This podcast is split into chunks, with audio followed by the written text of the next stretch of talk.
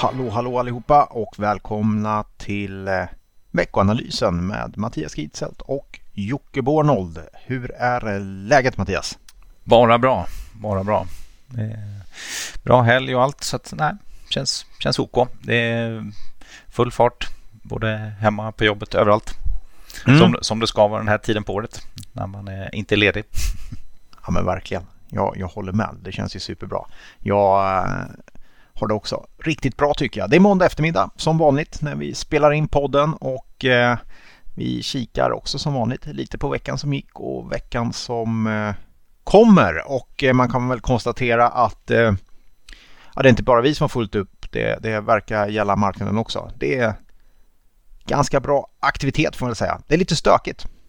Ja, det kommer från alla möjliga håll känns det som lite just nu. Det är, det är, ena veckan är det Kina-oro, sen så är det oro vad Fed ska göra och sen så är det amerikanskt skuldtak och sen så är det oljepriserna och sen så, ja, det känns som det, det kommer nya grejer hela tiden. Så. Mm. Uh, är, det, det nya grejer, är det nya grejer som kommer eller är det så att marknaden känner ett behov av att leta upp grejer hela tiden just nu? Ja, det är väl både och skulle jag säga. Ja. Alltså det, det, är ju säsongen för att leta upp saker. Det brukar ju vara under hösten tycker jag alltid är sådär att man, man, liksom, man ser inte fram emot en sommar och allt är bra vad som än händer utan det, det är lite mer att man letar orosmoln under kanske framförallt som det var nu säsongsmässigt svaga september och så. Men, eh, men visst finns det vissa saker som oroar och kanske det som ligger i fokus är ändå oljepriser för där tror jag också många marknadsaktörer har det lite sådär i... Ja, det sitter i bakhuvudet hela tiden att förut så var ju i alla fall oljepriserna när de ökade, det hade ganska stor effekt på global ekonomi. Liksom steg mm. oljepriset 10 ja men då kapar man i princip mentalt redan en halv procent av amerikansk eh, BNP-tillväxt. Och riktigt så är det ju inte inte längre. Eh, utan eh, det är klart det har en negativ påverkan. Men eh, det är faktiskt inte lika mycket som förut och framförallt om man tittar på bolagen. Nu är det lite olika olika länder men om man tittar just USA då till exempel så är ju alltså det är ju en, nästan en nettoeffekt som är noll eh, vad gäller oljepåverkan och energisektorn i sig som i och för sig går som tåget i USA den, eh, det är 4% av index så att om man bara tittar börsmässigt så, så är det ju okej okay, faktiskt. Eh, mm. Sen är det absolut vissa sektorer och kanske framförallt energitunga eh, sektorer. Där, är det, där har det naturligtvis en påverkan. Tror du vi kommer se redan nu i Q3-rapporterna som kommer eh, någon har det hunnits med någon påverkan från de höga energipriserna i till exempel svensk industri tror du eller? Det är för tidigt? Ah, ja, alltså jag vet, det är ju fler saker som, som man självklart kan oroa sig för där. Eh, oljepriser eller energipriser självklart en liten del, men jag skulle jämföra det med leveranskedjeproblem allmänt så är det nog relativt lite. Eh, det, ja, sen finns det ju massa andra saker. Säkert att man Snart kommer vi börja se lite löneinflation, kinesisk tillväxt som har varit svag under sommaren. Eh, hur ser det ut där? Alltså inte bara vad gäller liksom leveranser utan faktiskt också efterfrågan. Eh, det måste ju vara en försvagning och det påverkar kanske bara vissa sektorer och vissa länder mer. Men eh, ja, det är klart det finns orosmoln. Så. Ja, du, eh, en, eh, en pest eller kolera-fråga för Europa är ju kärnkraft eller Vladimir Putin. Vem ska man vara beroende av? Där vi har valt eh, den ena av dem. Eh, tror, tror du alla är lika övertygade om att det var ett vettigt val? Ja, eh, jag vet inte. Kortsiktigt åtminstone, ja. Mm. det tror jag. Eh, nej, men nu är det ju verkligen eh, eh det var ju snällt gjort kortsiktigt i alla fall att öka gasutbudet. Så. Ja, just det. Men det blir ganska tydligt att vi vi har satt oss i en situation där vi är rätt beroende av, och inte minst Tyskland har gjort det, ja. en, en, satt sig i en situation där man är väldigt beroende av rysk, eh, eh rysk gas. Eh, Absolut.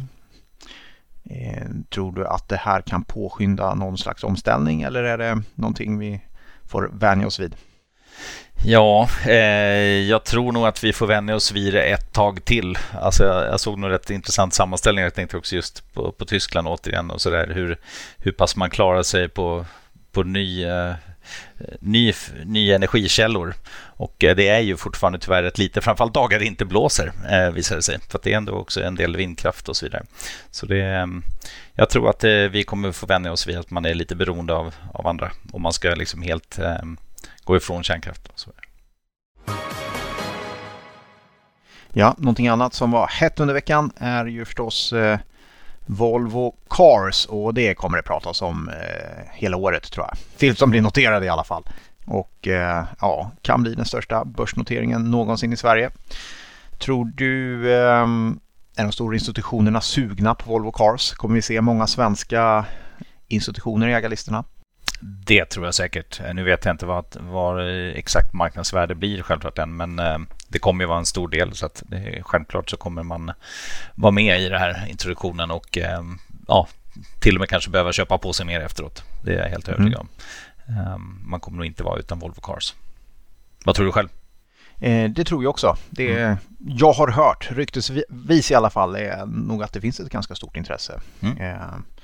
Och det finns nog många som, eh, ja, men som ser ganska stor potential eh, i det också förstås. Mm. Annars finns väl inte intresset där. Men det är ju lite, det är väl fortfarande så. Det är en liten kronjuvel i svensk industri.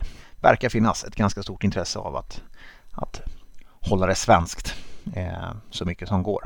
Eh, så det ska bli intressant. Jag tycker det ska bli kul att se hur stort intresset är eh, från de svenska institutionerna och mycket som faktiskt kommer noteras. Det verkar ju inte som det är så jättemycket kanske upp mot Nej. 20 procent. Men det, det märker vi. Du, eh, Volvo Cars är ju en, eh, en eh, stor arbetsgivare i Göteborg. Och eh, pratar man arbetsgivare kommer man ju osökt in på amerikansk sysselsättningsdata. Självklart. ja. Vilken övergång där. ja, eh, vi ska prata lite makrostatistik och sånt nu tänkte jag. 194 000 nya jobb. Det låter ju mycket men eh, inte jätteimponerande. Nej, det var ju återigen en siffra som var lite sämre än väntat. Då. Eh, förväntat var 500 000 nya jobb under förra månaden. Då. Och, eh, det är ju eh, redan föregående siffra var ju då lite svag på 235 000 och nu är det återigen svagt. Sen fick det väldigt lite effekt på aktie och räntemarknaden eh, och eh, det känns faktiskt inte så farligt heller. Jag kollar lite på detaljerna där och det alltså tittar man ändå så är det, liksom, det är låg arbetslöshet, det är ganska bra löneinflation, det finns övertidseffekt i det, man uppreviderar tidigare siffror så att nog känns den inte så svag rapporten när man titta på detaljerna. Sen absolut, antalet personer just under månaden var ju lite svagt. Men jag tycker ändå, alltså det, det är fortfarande för tidigt att säga att det är liksom en negativ trendvändning i det på något sätt. Så att jag skulle nog säga att det, ja, jag blir inte orolig. Jag tror heller inte att det påverkar Feds eh, eh planer faktiskt. Utan man, man, kommer nog att fortsätta med att ja, börja minska tillgångsköpen här i, i november förmodligen. Mm. Kom det någon annan statistik i veckan som var intressant? Jo då, eh, amerikansk tillverkningsindustri orderingång eh, ökar faktiskt med 1,2 procent i augusti, bättre än eh, estimaten. Så det var lite bra. Det kom siffror för tysk industri orderingång också. Den var däremot sämre, 7,7 procent lägre än föregående månad, så det var klart sämre. Men sen så hade vi istället positiva inköpschefsindex för tjänstesektorn där både då USA och eurozonen överträffar högt ställda förväntningar. Så det, det, är lite bra. Och om man nu ska hitta någonting som var lite svagt då, så var det detaljhandeln i eurozonen också. Som, som faktiskt, så att eurozonen är väl det som är lite mer osäkert kan man väl säga. Eh, Medan då eh, USA verkar ändå ticka på just nu. Så vi får se hur det går. Mm. Nämnde vi nedgången i tysk orderingång? Vi nämnde det kort. Ja, eh, ska man ta det, ska man, eh, är det något att rycka på axlarna åt eller ska man ta det som lite varningsflagg? Ja, men det där är ju en relativt volatil siffra faktiskt. Den, den svänger en del. Så jag skulle inte dra någon slutsats av den här mätningen. Um, utan eh, det, då vill man nog se en längre trend och den har ändå varit ökande. Så, så att, uh, jag tycker inte att det att det är kris av den. Men, men visst, det var alltså rent enskilt den siffran då var den största nedgången sedan april 2020. Så ja, det är teoretiskt ett eh, trendbrott då, men eh, jag vill inte riktigt se det så än. Nej. Du, eh, USAs skuldtak skjuts på framtiden och eh, energikrisen är löst av Vladimir Putin. I alla fall för tillfället kanske. Det mm två stora orosmoln som försvinner från finansmarknaderna? Räcker det? Eller kommer ja, det ha fortsatt osäkerhet tror du? Som vi sa i början, det finns fler. Men ja, eh, men, eh, ja nej, men absolut, det är väl jättebra att vi har löst två av dem där. Men sen har vi ju då självklart, alltså tittar du räntemarknaden till exempel så ser man det ganska tydligt att man fortsätter oroa sig för inte minst inflation. Långräntor stiger och eh, det brukar ju sällan vara på sikt bra eh, om de gör det i, i snabb takt. Så att, eh, vi får väl se. Alla räknar ju med att den här inflationen är övergående men eh, räntemarknaden just nu säger väl någonting annat. Inte för att det är liksom en brant stigning, men den fortsätter ändå. Och eh, då är, ska man ju självklart titta på varför är det så. Eh, I övrigt så skulle jag säga allt fokus på rapportsäsongen. Det, det kommer ju mm. igång nu och eh, det är ju det där vi kommer få se. Är det liksom kostnadsökningar? Är de värre än vad man har trott? Hur, hur ser det ut med framåtblickande kommentarer? Och så vidare. Så det tror jag man ska främst titta på kortsiktigt vad gäller eventuella orosmoln eller kanske snarare triggers för ny uppgång. Det får vi se. Mm.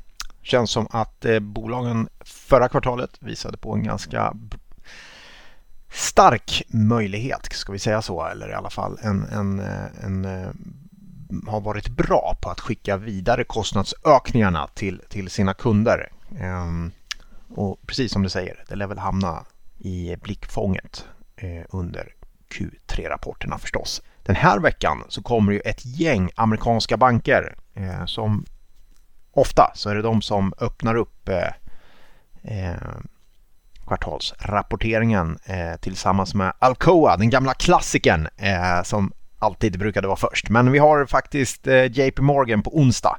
Sen har vi Bank of America, Wells Fargo, Morgan Stanley, Citigroup på torsdag. Och så kommer Goldman Sachs och avslutar det kalaset på fredag. Så det är riktigt mycket amerikanska banker att hålla koll på och borde väl ha gynnats av eh, lite högre räntor va? Absolut. Det är bra utsikter för, för banker självklart med, med högre räntor. Um, och sen får man väl se de övriga, hur det är. Det har ju varit några tidigare rapporter i USA redan eh, och eh, kanske lite mindre bolag framförallt. Men där, där ser det ju bra ut vad gäller vinstutveckling och så. Det, det man, jag uppfattar det som är att det är ändå lite svagare utsikter istället.